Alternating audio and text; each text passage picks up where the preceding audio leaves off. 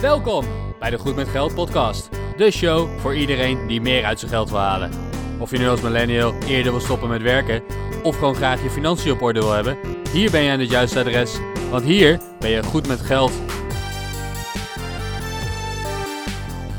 Dit is de Goed met Geld podcast, aflevering nummer 60 alweer. Ik ben Bas van firethebos.eu. En ik ben Arjan en mij vind je op stoppenvoormijn50ste.nl.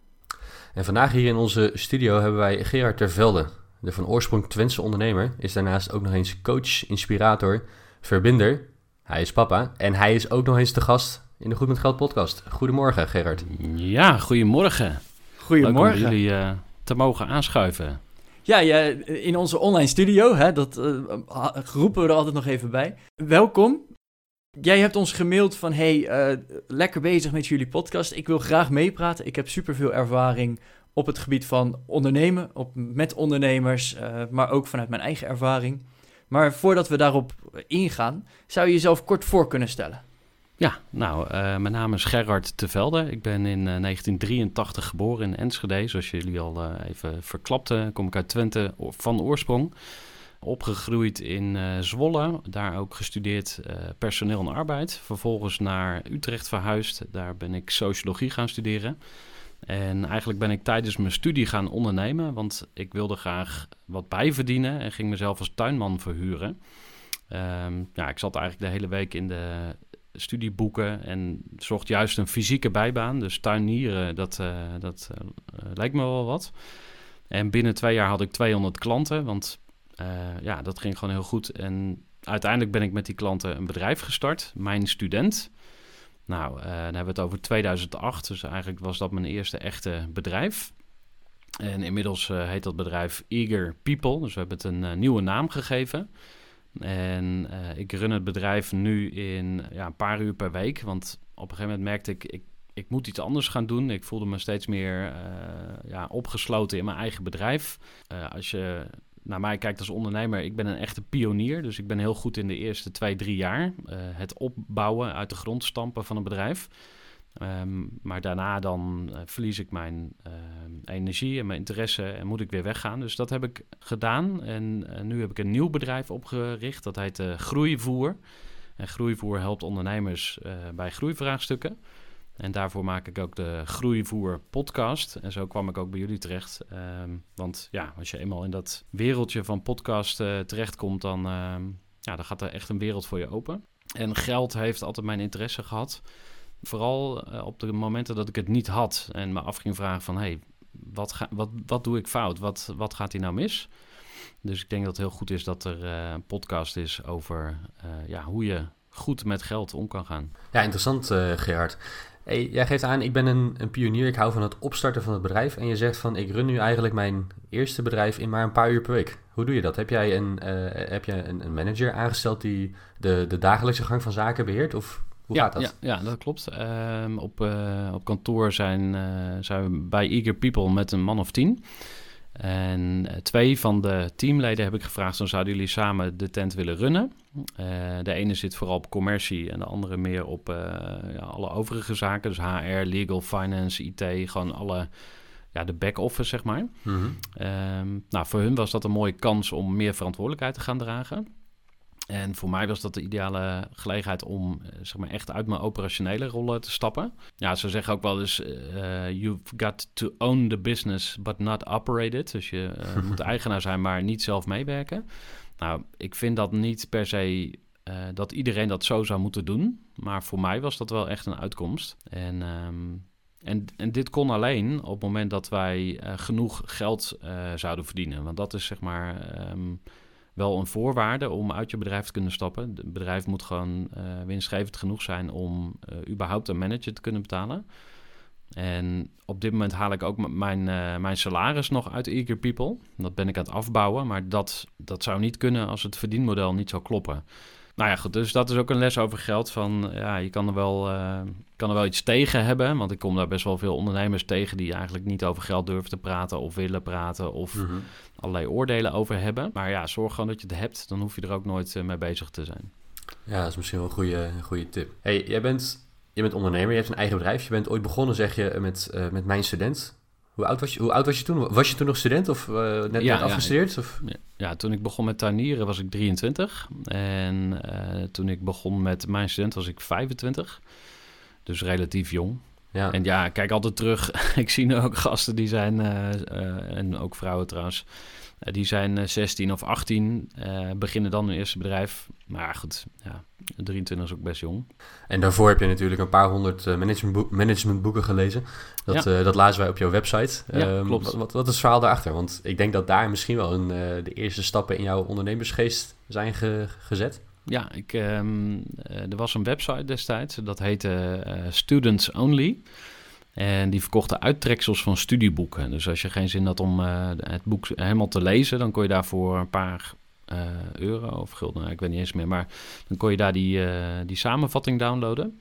Maar ja, iemand moest ze maken. Dus die gast die, die had een, de eigenaar van Students Only, Robert, die had een aantal slimme studenten die voor hem die samenvattingen maakten. Dus dat deed ik. Dus dan kreeg ik een stapel boeken opgestuurd en dan ging ik die helemaal ehm, eh, doornemen en samenvatten. Dus ja, maar wat ik er eh, zeg maar echt rechtstreeks van eh, herinner. eh, Dat weet, ik weet zeg maar niet letterlijk wat er nog allemaal in die boeken staat. Maar ja, onbewust neem je dat toch allemaal weer mee in je rugzakje. Ja, dat helpt heel erg. Ja, want je bent dan inderdaad bezig om zo'n boek samen te vatten. Dus er- worden heel veel technieken en methodologieën uitgele- uitgelegd. Ja. En ja, die, ik neem aan dat die dan ergens in je achterhoofd blijven hangen. Maar is daar misschien ook wel die, die inspiratie of die drang ontstaan om je eigen bedrijf te beginnen? Of was dat simpelweg van, nou, eh, ik zoek een zakcentje en eh, er is geen leuke werkgever, dus ik doe het zelf gewoon? Ja, meer e- eerder dat laatste. Ehm, ik heb wel eh, zelf ook eh, voor een baas gewerkt, eh, tien jaar lang. Dat was een dierenspeciaalzaak met een groothandel erbij en diervoeders. Dus op, op 12-jarige leeftijd liep ik daar rond. Mocht ik konijnenhokken verschonen en hondenbrokken verkopen. Nou, dat is wel heel anders dan wat je nu doet, inderdaad. Dat, Precies, ja. ja maar, maar dat heeft me ook wel gevormd. Laat ik het zo zeggen. Ik was gewoon een bezig baasje. Ik vond het leuk om, om bezig te zijn. En dus ik weet ook hoe het is om, om in, in loondienst te zijn. En toen ging ik die uittreksels maken. En daarna ging ik uh, tuinieren. En toen heb ik me altijd afgevraagd van... Hey, waarom zou je nou voor 5 of 6 euro achter de bar gaan staan... of post rondbrengen... als je ook 12 of 15 euro kunt verdienen... door gewoon zelf klanten te regelen. En er zijn ongetwijfeld ook heel veel ondernemende studenten... die gewoon zelf hun, uh, hun business regelen. En ik denk dat het nu ook meer dan ooit mensen in het ondernemerschap stappen. De, de, er is zoveel kennis beschikbaar over hoe, hoe, hoe, kan, hoe moet ik het aanpakken. Dit is iets wat ik zelf ook doe. Hè. Ik help ook starters. En soms ook dat uh, gewoon als vriendendienst, maar soms uh, ook met een, met een groeiprogramma. Het, er is gewoon ontzettend veel kennis. Dus als je wilt ondernemen, ja, dan is de drempel heel laag. Ja, er is natuurlijk heel veel informatie online te vinden. En ja. niet, alleen, niet alleen maar informatie, maar ook het internet met name zorgt ook voor uh, dat er heel veel platformen beschikbaar zijn. Denk, aan een, uh, denk aan een Uber, dat als jij in je vrije tijd als taxichauffeur rond wil gaan rijden, dan kun je dat doen. Nou, is dat ja. in Nederland geloof ik niet zo makkelijk, maar uh, al die platformen, denk aan een, een Fiverr om, ja. om ook wat gigs te kunnen doen. Ja, dat maakt het heel makkelijk om misschien als student zijnde niet voor een baas te gaan werken, maar te zeggen van ik ga, ik ga zelf wel wat doen. En via dit soort platformen kom ik dan aan mijn klanten. Ik, ik denk nog steeds overigens niet dat je daar de, de, de, de het grote geld mee gaat verdienen hoor, met dat, met dat soort platformen en dat soort klusjes. Nee. Maar het maakt het wel heel makkelijk om een beetje die ondernemersgeest uh, te gaan trainen als het ware. Ja, ja en dat was, dat was tien jaar geleden gewoon een stukje lastiger nog. Ja. Dus, um... wat wat uh, willen jullie, gaan jullie ook ondernemen? Nou, ik, ik ben zelf ondernemer. Ja. Uh, sinds eind vorig jaar. November, mm -hmm. december ben ik, ben ik voor mezelf begonnen.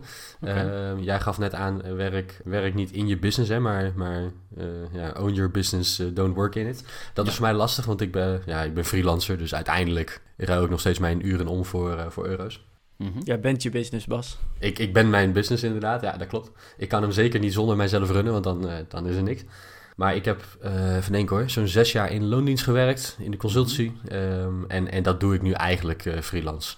Er, ja. is een, er is een hoop werk, inmiddels de kennis uh, om zelf projecten te kunnen draaien en het netwerk om ook aan uh, opdrachten te komen. Mm -hmm. Dus op een gegeven moment gewoon die stap gemaakt, uh, juist omdat ik nou ja, ondernemend ben.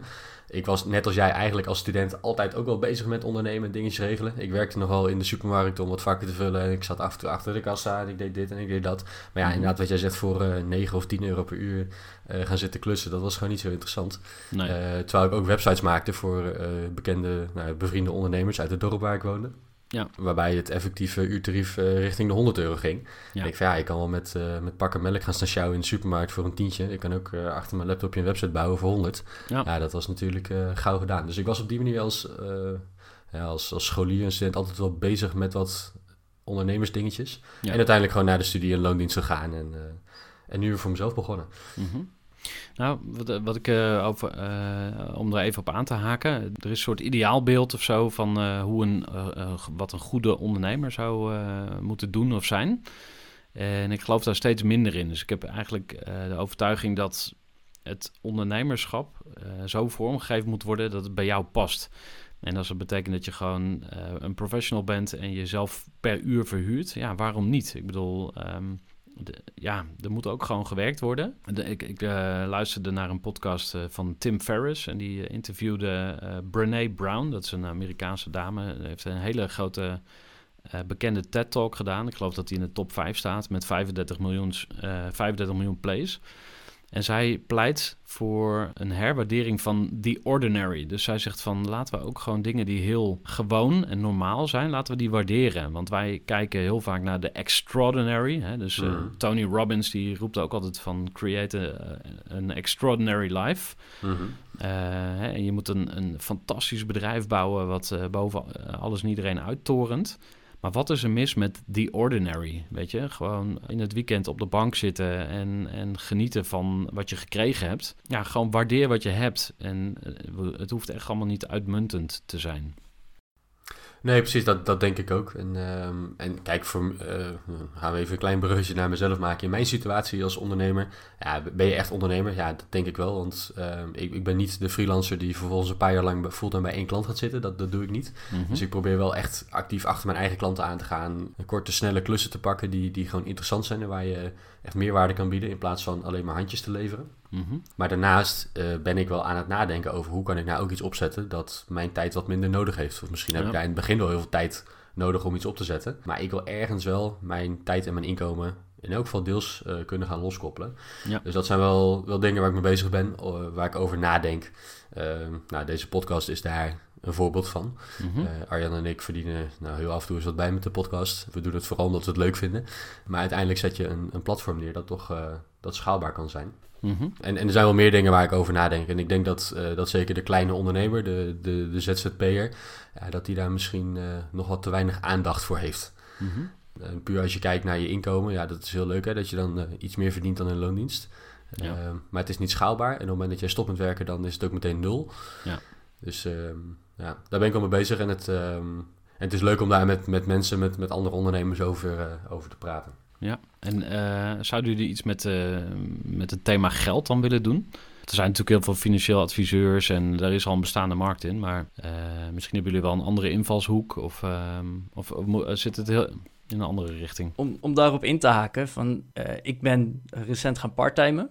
Dus ik Mhm. ben van eh, fulltime loondienst naar 80% loondienst. Dus ik heb nu mijn Mhm. hele donderdag heb ik gewoon vrij. En die donderdag die gebruik ik dus juist om eh, te werken aan deze podcast, aan mijn blog en, en aan dat- al dat soort dingen.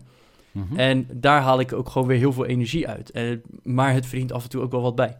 Dus Aha. dat is meer mijn ondernemingsgedachte daarachter. En dat ik denk van, ja, eh, dan maar iets minder salaris. Ik kan er nog steeds prima van rondkomen. Ik verdien af en toe wat bij met dingen die ik, waar ik ook heel veel energie van krijg. Ja. Dus ja, ik doe aan de ene kant inderdaad gewoon nog the ordinary en eh, ben dus nog in loondienst. Maar aan de andere kant ben ik wel aan het proeven van, hé, hey, wat, wat kan ik allemaal? En wat zit er allemaal nog meer in de wereld, laat maar zeggen. Ja. Dus eh, ja, maar dan ook nog steeds over geld, omdat ik het eh, heel simpel gewoon leuk vind om het over te hebben. En het, het inspireert denk ik ook best wel. En niet alleen onszelf, maar ook weer de anderen. Nou, cool. Ik eh, hou jullie goed in de gaten. Want het gesprek over geld is best wel belangrijk. En dan niet alleen zozeer over van hoe krijg ik er meer van en hoe ga ik allerlei slimme trucjes uithalen. Dat is misschien ook interessant.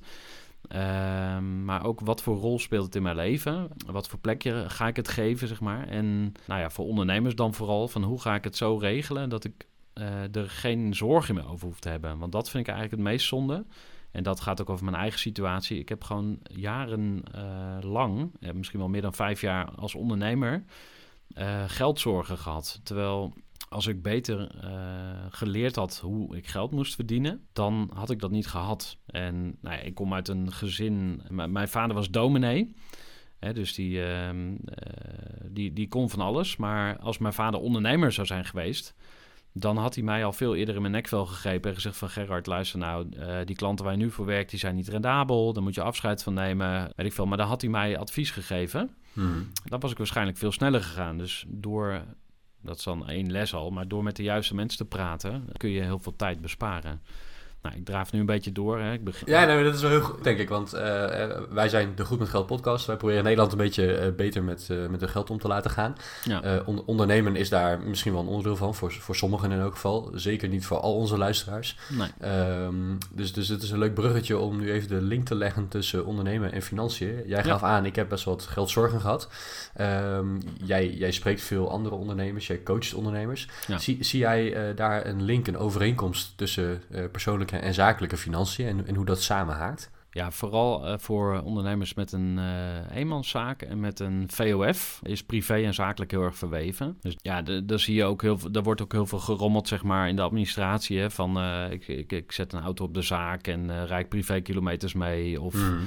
nou ja, allerlei gekloot, wat, wat eigenlijk. Um, nou ja, goed, het maakt verder niet uit, maar je privé en je zakelijke situatie zijn, zijn heel erg verweven. Ja. Als je een BV hebt of een NV of een andere entiteit, dan ga je misschien ook wat anders uh, naar je bedrijf kijken. Zelf heb ik een wake-up call gehad in 2016. Toen ging daar een event van uh, een uh, ja, business guru, we maar even zeggen. En die zei eigenlijk van, ga nou eens met de ogen van een aandeelhouder naar je eigen bedrijf kijken. Dus stel je was aandeelhouder van je eigen bedrijf, welke keuzes zou je dan maken? Nou, daar heb ik best wel lang over nagedacht, want dat is best wel een diepe. Want als je erover na gaat denken, dan kom je erachter dat je eigenlijk zelf die aandeelhouder bent. Want je stopt namelijk al je tijd, al je geld, al je energie, uh, je reputatie, uh, alles wat je hebt, stop je in je bedrijf. Ja. Waarom zou je dan niet daar ook iets voor terug verlangen? Dus in plaats van dat je dan nou ja, gewoon al je tijd opoffert voor je bedrijf. Of nee, laat ik het anders zeggen. Stel je stopt al je, al je tijd in je bedrijf, maar je krijgt er bijna niks voor terug als je in loondienst zou zijn, dan zou je dat nooit doen. Dan zou je zeggen van, yo, gast, ik werk 80 uur per week. Ik krijg een super slecht salaris. Ik heb heel veel onzekerheid. Ik trek dit niet. Hmm. Maar op een of andere manier, uh, als ondernemer, zien we die connectie niet altijd. Dus dat, dat is voor mij een grote les geweest. Oké, maar je, je, je, geeft aan, de, twee vragen nu. De, de ja. ZZP'er en de, degene die een VOF heeft, die ja. rommelen een beetje aan. Ja. Zeg je dan eigenlijk van, ja, dat is zo'n bende af en toe daar, daar moeten ze veel meer orde in scheppen. Of gaat dat dan eigenlijk wel goed? En aan de andere, de, de tweede vraag. Als je zo iemand dan uh, tegenkomt hè, in, je, in je groeiclub of, of waar dan ook. Mm -hmm. Hoe coach je die mensen dan uh, dat ze misschien anders naar hun geld moeten kijken? Kijk, uh, de administratie is voor bijna alle ondernemers die ik ken een, een, een Achilleshiel, zeg maar. De meeste ondernemers waar ik mee werk is gewoon ja, dat moet ook nog gebeuren. En ja, dat is juist wel waar. Dat is het fundament of de basis zeg maar, van, je, van je bedrijf. Is gewoon dat je je mm. cijfers op orde hebt. Dat je weet wat, wat haal ik nou uit mijn bedrijf.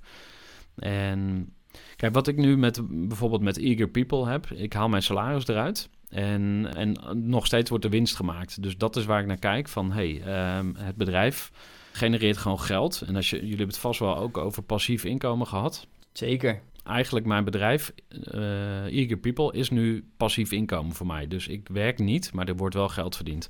Ja. Eh, dus als je een wat groter bedrijf hebt, dan kun je zo naar je bedrijf kijken. Van eigenlijk is het een soort pinautomaat, zou je kunnen zeggen. Van één keer in de zoveel tijd haal je er wat geld uit. Of een melkkoe of wat dan ook. Um, maar goed, als je een wat kleiner bedrijf hebt, de eenmanszaak of ja, VOF hoeft trouwens ook niet per se klein te zijn. Maar als je een kleine ondernemer bent, dan, dan zit dat veel meer verweven. Wat ook meespeelt, is dat je alles zelf moet doen. Hè? Dus die dingen die ik net al eh, even noemde, van uh, eh, HR, legal, finance, ICT, administratie, inkoop, facilitair, gewoon alle aspecten van het ondernemen. Mhm. Daar moet je allemaal iets mee, of daar moet je iets van vinden of iets mee doen. Terwijl als je een groter bedrijf hebt, dan kun je voor elk onderdeel misschien wel iemand aannemen. Of in ieder geval een deel bij een bedrijfsleider neerleggen of een uh, administratief medewerker. Ja, zo'n goeie dat je dat noemt, daar wil ik even op inhaken. Jij zegt van op het moment dat je je bedrijf moet geld opleveren. Uh, ik, ik, spreek wel eens ondernemers die dan bijvoorbeeld, uh, die, hebben, die hebben gewoon een, een, kleine zaak, een middenstand. Die hebben een winkel of, een, of een restaurantje of, of noem het maar op. En, en dan zie je dat die daar 50 of 60.000 euro per jaar uit kunnen halen en, en daarvan kunnen leven. Dan hebben ze een, een prima inkomen. Maar daarnaast hebben ze ook een heleboel kapitaalrisico in hun eigen bedrijf zitten. Mhm. eh, inkomensrisico. Terwijl je zou denken van voor dat geld zou je ook gewoon ergens in loondienst als bedrijfsleider kunnen werken. Ja. Eh, en dan, dan heb je die risico's allemaal niet. Hè. Dus eigenlijk is dat bedrijf dan helemaal niet zo winstgevend. Klopt. Want je zou eigenlijk moeten zeggen, hoor ik in jouw verhaal ook een beetje, op het moment dat jij een bedrijfsleider kunt aannemen en dan blijft er nog winst over, dat, dat is een beetje waar je naartoe moet eh, proberen te groeien. Ja. Ja, zeker. Ja. Eh, ik, ik heb een eh, Excel-sheet gemaakt samen met mijn accountant. En dat is een soort een net worth calculator. Dat, eh, kun je, op internet kun je dat trouwens ook overal eh, vinden. Daar kun je als ondernemer je eh, gegevens invullen. En dan kun je eigenlijk uit, uitrekenen wat je eigenlijk waard bent in euro's uitgerekend. Ja, en dat is verbluffend of heel, heel confronterend denk ik voor heel veel ondernemers. Dat ze eigenlijk... Want eh, zo zat ik er ook heel lang in. Van eh, ja, nee, ik ga gewoon heel hard werken en mijn bedrijf bouwen. En dan ooit ga ik het voor miljoenen verkopen. En dan heb ik mijn pensioen bij elkaar, weet je wel. Ja. Eh, maar dat is een high-risk strategy. Dat is gewoon niet onderbouwd. Het is hopen dat het, dat het goed komt. Nou, Jim Collins, een van de grootste management-auteurs aller tijden, die zegt: Hope is not a strategy. Weet je, dus de- de- ja, onder ogen zien, de feiten onder ogen zien. Of überhaupt gewoon snappen hoe je cijfers in elkaar zitten. Dat is voor heel veel ondernemers eh, nog een eh, groeipunt. Om het even positief te formuleren. Ik heb wel eens een, eh, een lezing gehad van, ik, ik geloof een bankdirecteur dat het was, of iemand, iemand in de financiële wereld. En dat was op, tijdens college. En het collegevak was je eigen onderneming starten. En dat ging dus over inderdaad je jaarcijfers genereren en hè, dat hele, dat, ja, gewoon de hele administratie. Mhm. En hij zei van ja, ik heb één klant en die is altijd als eerste. Het is 2 januari, 3 januari. Nou, dan krijg ik een berichtje, het is bijna klaar. En dan eh 5, 5, 6 januari had ik de cijfers al binnen. Nice. Maar dat was ondertussen ook het bedrijf wat het het allerbeste deed. En dat, dat heeft er niet te maken met de hoeveelheid omzet of weet ik het wat. Nee, die man die wist precies, zo staat mijn bedrijf er op dit moment voor. Als ik nu dit doe, heeft dat die impact. Als ik eh, daar een investering doe, dan moet ik hem op die manier terugverdienen. Of die heb ik misschien al terugverdiend. Of als ik hier eh, eh, inkoop doe, of als ik deze klus aanneem, dan heeft dat die gevolgen. En dat Ja. merk ik zelf eigenlijk ook wel. Hè. We hebben het ook over crowdfunding gehad in, in eerdere afleveringen. En ja, daar moet ik ook als, als investeerder zijnde, moet ik naar die cijfers gaan kijken. Van oké, wat, wat doet een bedrijf? Hoe, gaat het, hoe staan ze ervoor? Wat zijn hun plannen? En daar heb ik toch wel van geleerd dat op het moment dat het bedrijf zijn cijfers niet op orde heeft, dat het risico dan eigenlijk gewoon al meteen een stuk groter is voor mij als investeerder. Want eigenlijk weet je helemaal niet of het bedrijf er op dit moment, hè, twee jaar terug had het misschien wel leuk kunnen zijn, maar je weet niet wat er nu op dit moment gebeurt. En dat is wel iets eh, wat ik ook in jouw verhaal terughoor. Van ja, het is wel heel belangrijk, die administratie. Nee, het levert helemaal geen cent op.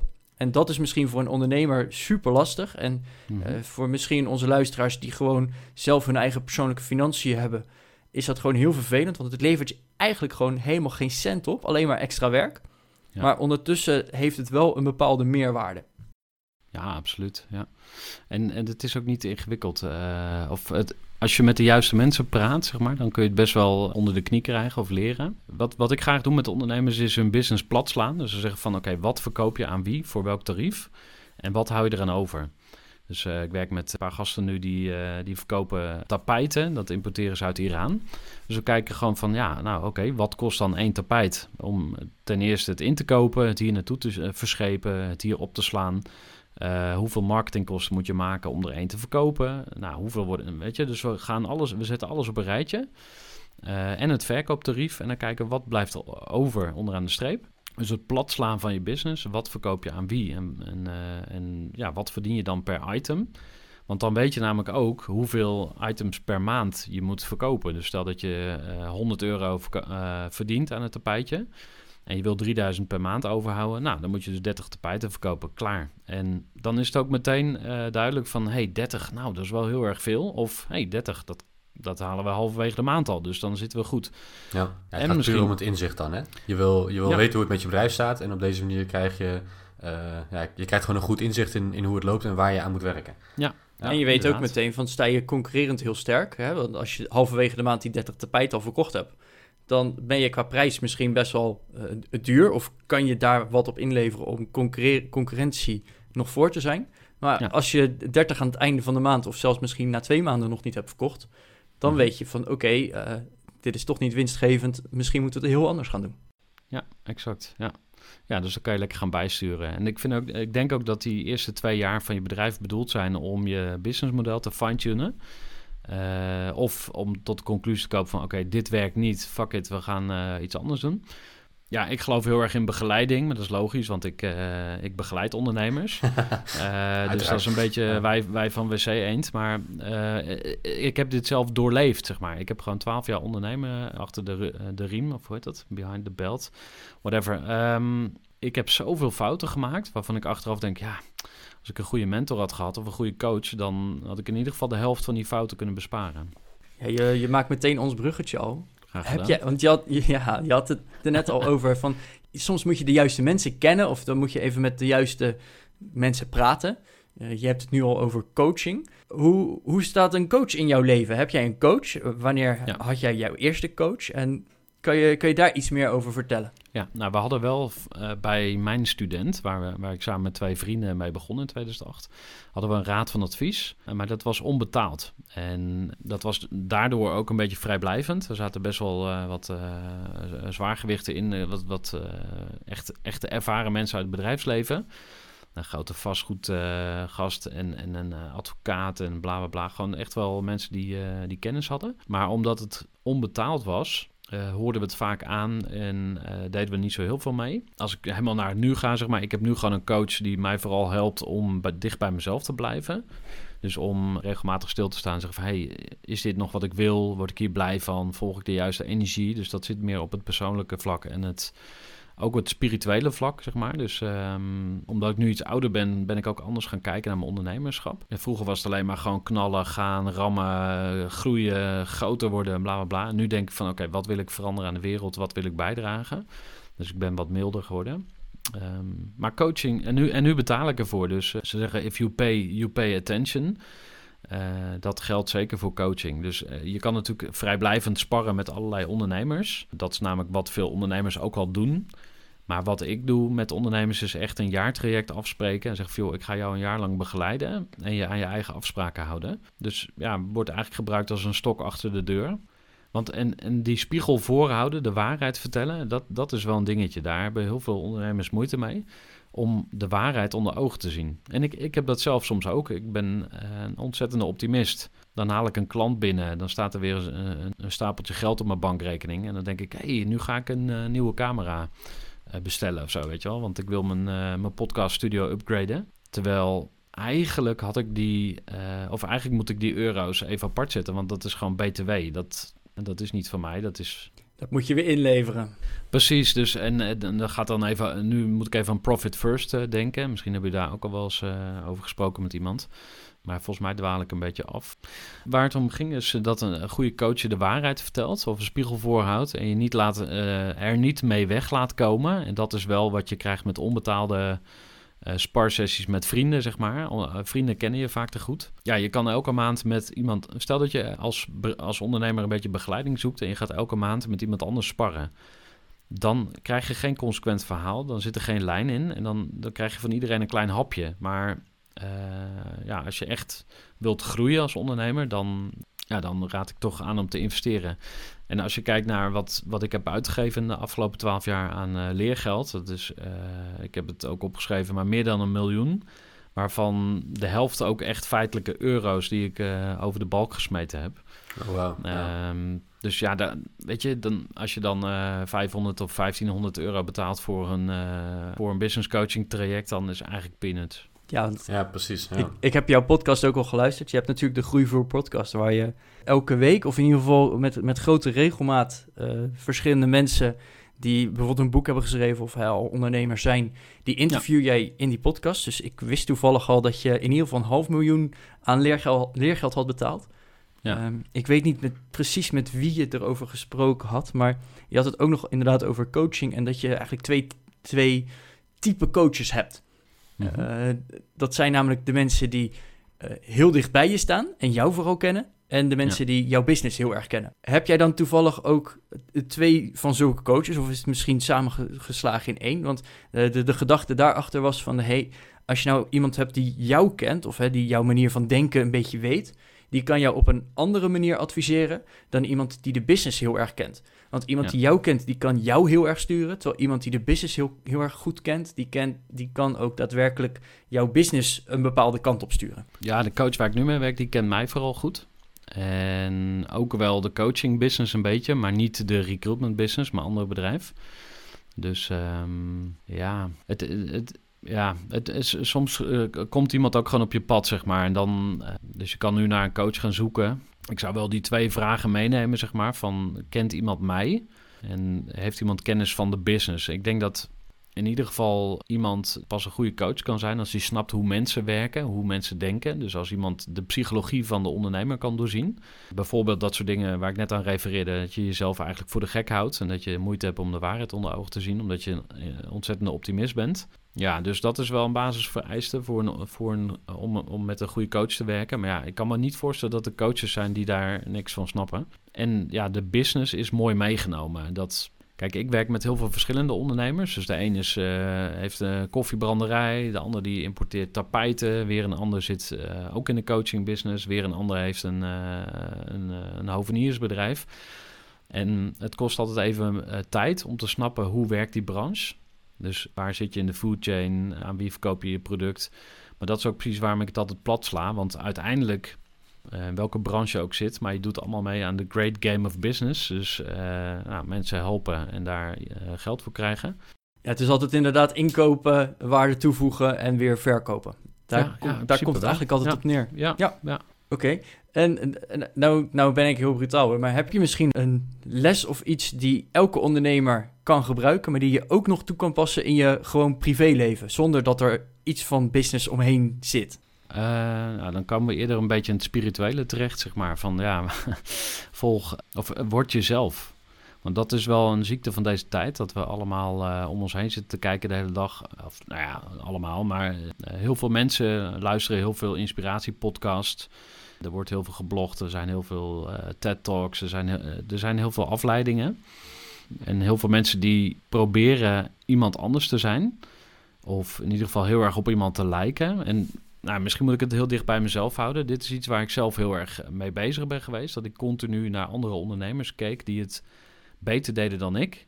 Pieter Zwart van Coolblue, ik noem maar even een, eh, een, Mm. eh, een voorbeeld. Hè, dat, we kijken allemaal naar die extraordinary ondernemers. Maar dit geldt ook voor mensen die geen ondernemers zijn. Dus op Instagram zitten die mensen ook de te kijken naar de, de influencers. Van oh, wat hebben die een gaaf leven. En nou heeft hij weer een, ehm, een, eh, een Lamborghini ge- ge- gekregen. eh, eh, hoe heet dat? Die Enzo Knol of zo. Hmm. En nu zitten ze weer aan het einde van de wereld met een geweldig plaatje en een super zwembad en eh, ja, alleen maar aan de cocktails. precies. Ja, fuck that, weet je. Dus ga gewoon eh, terug naar ordinary. Want dat Mhm. is mis- misschien is ordinary wel extraordinary. Dus eh, ik heb heel vaak eh, ook dat ik denk van tering, eigenlijk doe ik er totaal niet toe, weet je. Er zijn 7 miljard mensen op deze planeet. Who fucking cares wat mijn mening is? En, en dat is waar. En tegelijkertijd is het ook waar dat er maar één van mij is. Dus ik ben wel degelijk uniek en ik kan wel degelijk iets betekenen voor mijn vrouw, voor mijn dochtertje, voor de vrienden om me heen, voor de ondernemers waar ik mee werk. Dus eh, en alle, als je gelooft dat alles één is, zeg maar, dus dat alles met elkaar verbonden is, dan zou je ook kunnen zeggen: er, er bestaan geen tegenstellingen. Dus er is geen goed of fout. Nou ja, dat is ook niet helemaal waar misschien, maar je mag gewoon zijn en tegelijkertijd is het ongewoon of ben je bijzonder. Klinkt het vaag? Dan eh, moet je zeker even contact met me opnemen. dan leg ik het nog, leg ik het nog een keer uit. Maar het, Nee, het, het klinkt zeker niet vaag. Ik, ik vind het wel een hele mooie, eh, mooie tip die, je- die je daar geeft. Ik merk het aan mezelf ook. Ik luister veel podcasts. Ik, ik reis best wel veel. Eh, voor mijn werk, ik zit veel in de auto, in de trein, eh, ook in het vliegtuig. Ehm, en ik werd een beetje, ja, dat hele gedoe met radio luisteren. Ik, ik vond het op een gegeven moment saai worden. Het voegt niks toe. Dus ik ben Mhm. op een gegeven moment eh, vier, vijf jaar geleden veel podcasts gaan luisteren. En, en dat is heel goed, want daar leer je heel veel van. Jij hebt 200 boeken gelezen eh, eh, lang geleden. Daar heb je heel veel van geleerd. Ik heb misschien wel duizend podcastafleveringen eh, geluisterd van Jan en Alleman. Daar heb ik heel veel van geleerd. Ja. Aan de andere kant, het is ook wel ineens eh, dat, dat shiny object syndrome. Van eh, je hoort weer iets op een podcast. Oké, dat wil ik ook gaan proberen. Terwijl, ja, het is denk ik een hele goede tip om, om wat dichter bij jezelf te blijven. En te zeggen van, misschien moet ik niet achter dit leuke nieuwe ding aan gaan rennen. Maar gewoon blijven doen wat ik nu doe, want dat, dat is ook goed. Ja. Ja, dus ik denk, het is zeker geen, uh, geen vaag verhaal. Ik vind het wel een, uh, ik vind het juist wel een hele mooie, die in deze tijd zeker belangrijk is. Ja, ook juist met social media. Dat je, hè, het, het doe maar gewoon, want we doen al gek genoeg met z'n allen. Het is gewoon prima hoe je bent. En het is prima. Uh, als jij tevreden bent met een 40-urige werkweek, je verdient genoeg. Waarom zou je dan nog meer willen? Als je gelukkig ja. bent, dan, dan is het ook gewoon klaar. Ja, ik uh, wens iedereen oogkleppen toe. Dus zet, zet gewoon wat vaker oogkleppen op, sluit je af. En er zijn al mensen die dit doen. Um, ik ken ook mensen die bijvoorbeeld... Ik, ik, heb, ik heb zelf een Nokia gekocht en uh, voor drie tientjes of zo. En af en toe, als ik echt even overprikkeld ben, dan zet ik gewoon mijn smartphone uit. En dan heb ik de Nokia nog wel aan, want mijn vrouw die wil dan kunnen bellen als mijn dochtertje 40 graden koorts heeft en op de kinderopvang moet worden opgehaald. Uh, ik noem maar even iets heel praktisch. Maar je kan jezelf, ja, je kan jezelf afsluiten. Maar het is moeilijk, want het is zo verslavend hoe continu. Ja, goed, dat weet je zelf ook. En, uh...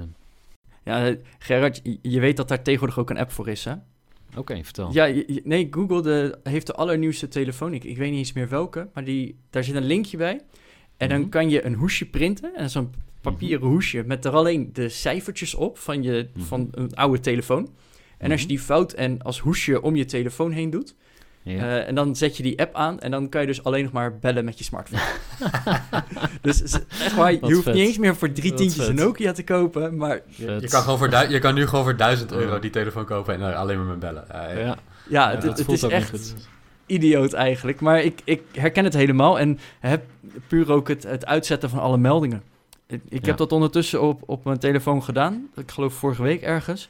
En het is zoveel relaxter. Ik heb Facebook ja. eraf geflikkerd. Ik heb LinkedIn eraf gegooid. Het, ja. het, echt heerlijk. Want niet al die eentjes die roepen van... hey, hey, je moet mij ook nog even lezen. Ja. Dat, dat helpt echt heel erg. Ja, ja, ja herkenbaar. Gaan we het nu weer over geld hebben? ik vond het wel een heel leuk, uh, heel leuk zijspoor. Ja, we gaan het zeker weer over geld hebben. Nee, nee, hoeft niet hoor. Uh, Nee, maar dat gaan we, dat gaan we wel gewoon doen. Um, we gaan namelijk uh, richting onze afsluitende vijf vragen. En dat zijn de vijf vragen die wij stellen aan al onze gasten elke keer weer. En mm-hmm. Arjan begint met de eerste vraag. Ja, uh, Gerard, je hebt ondertussen zoveel ervaring in het ondernemen. Maar het is misschien een hele persoonlijke vraag. Uh, wat is jouw grootste financiële blunder? Mm, mijn grootste financiële blunder is dat ik in um, 2012 of ja, periode 2012 tot 2016 twee keer een maatwerk software oplossing heb laten bouwen. En dat heeft me echt uh, ruim 3,5 ton achteruit gezet. Dus dat, uh, dat, is, dat, zijn toch, ja, dat waren twee blunders in één. Ja, dat wow. was echt kut. Ja, ja en uh, ja, ik dacht gewoon, ja, ja, en dat kwam omdat, ja, goed, nou ja, heel verhaal natuurlijk, maar um, uh, bottom line is dat je eigenlijk denkt dat je bedrijf zo uniek is dat jij unieke software nodig hebt. En als je dan ook nog eens met de verkeerde partijen in zee gaat en een beetje pech hebt en dat niet goed aanstuurt, dan uh, kan het een heel duur gaantje worden. Die verkopen uh, je maar al te graag de unieke software, terwijl ze eigenlijk helemaal de unieke software niet zo goed kunnen maken. Mm, zeker, zeker. En uh, sowieso salesmensen die zeggen altijd van ja hoor, nee, ja, nee, dat, prima, dat gaan we doen en het komt in orde. Dus uh, er was ook een les, vertrouw nooit een salespersoon. Terwijl ik ben dus zelf ook een salespersoon. het enige wat ze niet verkopen is nee. Dat, ja, ja, ja, ja precies. ja. Gerard, de volgende vraag. Uh, wat is mm -hmm. iets dat jij nu kan, wat je nu beheerst, maar dat je eigenlijk vijf jaar geleden al had willen kunnen? Ik denk het doorzien van mijn uh, financiële cijfers. Dus het begrijpen hoe werkt geld in je bedrijf. En mm. wanneer maak je echt winst Hè, dus ook als je al gegeten hebt en salaris hebt gehad en alle kosten betaald zijn. En um, dus ik begrijp nu echt hoe mijn cijfers werken. Dat vind ik wel een heel lekker gevoel. En uh, ja, grote ontwikkelingen doorgemaakt. Maar waar sta je over vijf jaar? Nou, over vijf jaar wil ik eigenlijk uh, me, uh, aandeelhouder zijn van meerdere bedrijven. Dat is ook iets waar ik nu mee bezig ben. Om, uh, de onder, ik, ik werk met ondernemers die ik help bij, bij business coaching. Maar ik sta er ook voor open om aan boord te stappen als aandeelhouder. Dus dat is iets um, waar ik nu uh, mee bezig ben. Dus het lijkt me leuk om dan met een groepje ondernemers uh, te zijn. En verder wil ik gewoon vooral heel veel chillen en uh, buiten zijn. Dus een eh, mooie woonboerderij waar ik gewoon lekker in de tuin kan werken en eh, buiten zijn. Want dat is iets wat ik wel echt heel eh, sneu vind, dat we met z'n allen veel te veel binnen zitten. Tuinieren blijft er toch een beetje bij dan. Ja, ja. Ja. dat is maar ja, de mens is niet geboren om de hele dag binnen te zitten. Dat, dat, dat klopt gewoon niet. Dus als ik dan zeg maar mijn kantoor uitstap aan het einde van de dag op een mooie zonnige dag, dan denk ik echt van ah shit, wat heb ik nou weer gedaan? Dus ik, ik zoek een manier zeg maar om in de toekomst gewoon ja, buiten te werken. Dus misschien ga ik wel tuinieren met mijn businessklanten. Tijdens het coachen ga je ondertussen bloembollen erin go- in de ja, grond gooien. Ja, why not? Ja, ja dat Leuk. lijkt me wel wat. Welke bron van informatie zouden onze luisteraars volgens jou moeten kennen? Nou, nou, ik zou wel een lans willen breken voor eh, het boek eh, Profit First van eh, Mike Mikalowicz. Dat is een Amerikaan. En eh, de Nederlandse versie is eh medegeschreven door Femke Hogema. Ik heb haar ook geïnterviewd op mijn podcast.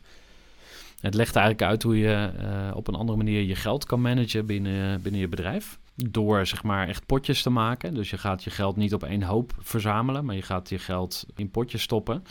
Dus bijvoorbeeld de belasting, de BTW, eh, die stop je in een apart potje. En dat zet je weg, zodat je niet denkt dat het jouw geld is. En hetzelfde doe je met eh, een aantal andere posten. Dus dat is echt mijn leestip, boek Profit First. En je kan ook de aflevering even luisteren, want dan wordt het ook uitgelegd. En ook op Google kun je al heel veel daarover eh, vinden. En voor alle duidelijkheid, het gaat niet om... eh, want de titel Profit First, die zet veel mensen op het verkeerde been. Die, die impliceert, of mensen denken dan van... ja, het gaat zeker alleen maar over geld. Nee, daar gaat het niet over. Maar het gaat er wel om dat je ja, eh, zeg maar eerst je winst neemt. Dus dat zet je even apart. In plaats van dat je eh, iedereen en alles betaalt en dan onderaan de streep hoopt dat er nog een paar euro overblijft. Want dat is het recept voor eh, ellende voor heel veel kleine ondernemers. Ja. Ehm, maar goed, het is nu een te groot onderwerp om eh, op door te gaan, denk ik. Ja, en volgens mij hebben we het, eh, komt het ook regelmatig, of tenminste is het ongeveer hetzelfde als betaal jezelf eerst, pay yourself first. Ook meteen voor al onze luisteraars, al deze linkjes, al deze goede tips van Gerard, die ga je natuurlijk vinden in onze show notes. Die vind je vandaag op www.goedmetgeldpodcast.nl slash 060. Gerard, de laatste vraag van onze Goed met Geld vragen. Wat is jouw advies over goed met geld in je eigen zaak? Nou, stap 1, of eigenlijk het belangrijkste advies, zor- zorg dat je snapt hoe het werkt. Dus dat je gewoon weet hoe geld, eh, hoe, ja, ehm, hoe cijfers en hoe geld eh, werken. En laat zeg maar die beperkende overtuiging los dat, ja, eh, dat geld ingewikkeld is of dat eh, cijfers ingewikkeld zijn. Het is zo ingewikkeld als je het zelf maakt. Dus ook al vind je geld misschien niet super belangrijk, of misschien eh, zeg je wel cijfers vind ik ingewikkeld en ik snap er geen reet van. Ja, sorry, als je dat blijft zeggen, dan wordt het nooit wat. Dus ga daar gewoon mee aan de slag. Zoek iemand die het wel snapt. En ga net zo lang door totdat jij het ook snapt. En ehm, ja, daar ga je de rest van je leven of je ondernemende carrière heel veel profijt van hebben. Letterlijk. Gerard, waar kunnen we je online vinden? Ja, eh, groeivoer.nl, dat is het makkelijkst. Ja, als eh, mensen het leuk vinden om mij op LinkedIn even op te zoeken en toe te voegen. Gerhard te Velde, dat is mijn volledige naam. Daar sta ik ook altijd voor open. Dus eh, Wat leuk. Gerard, ontzettend bedankt dat je vandaag de gast wilde zijn in de Goed met Geld podcast. Ehm het was een ontzettend eh, leuk gesprek. Het ging van de hak op de tak, maar goed, zo, eh, zo ben ik zelf ook wel een beetje. En, en dat, dat zijn toch vaak de leukere gesprekken. eh brainstormend en al pratend kom je achter allerlei andere onderwerpen die je wil verkennen. Ik vond het waanzinnig leuk om het een keer over ondernemen te hebben en niet alleen maar over persoonlijke financiën. Maar ik denk toch dat onze luisteraars hier ook wel wat aan gehad hebben. Ja. Dus ja, onwijs bedankt. ja, jullie bedankt voor deze eh, mooie kans en het goede gesprek. En kom eens langs in Utrecht. Jullie zijn welkom. Inderdaad, dankjewel. Vond je deze aflevering nou ook heel tof? Eh, abonneer je dan vooral op onze podcast. En eh, laat vooral even een reactie achter. Dat kan natuurlijk onder de show notes. Maar dat kan ook via een reactie op de, de, verschillende podcast providers. Of stuur ons vooral een mailtje, want dat, daar worden we ook altijd heel gelukkig van. Wil je in contact komen met Gerard? Dat kan via de linkjes en via zijn website. En eh, dan rest ons niks meer te zeggen dan eh, tot volgende week. Tot volgende week. Joe.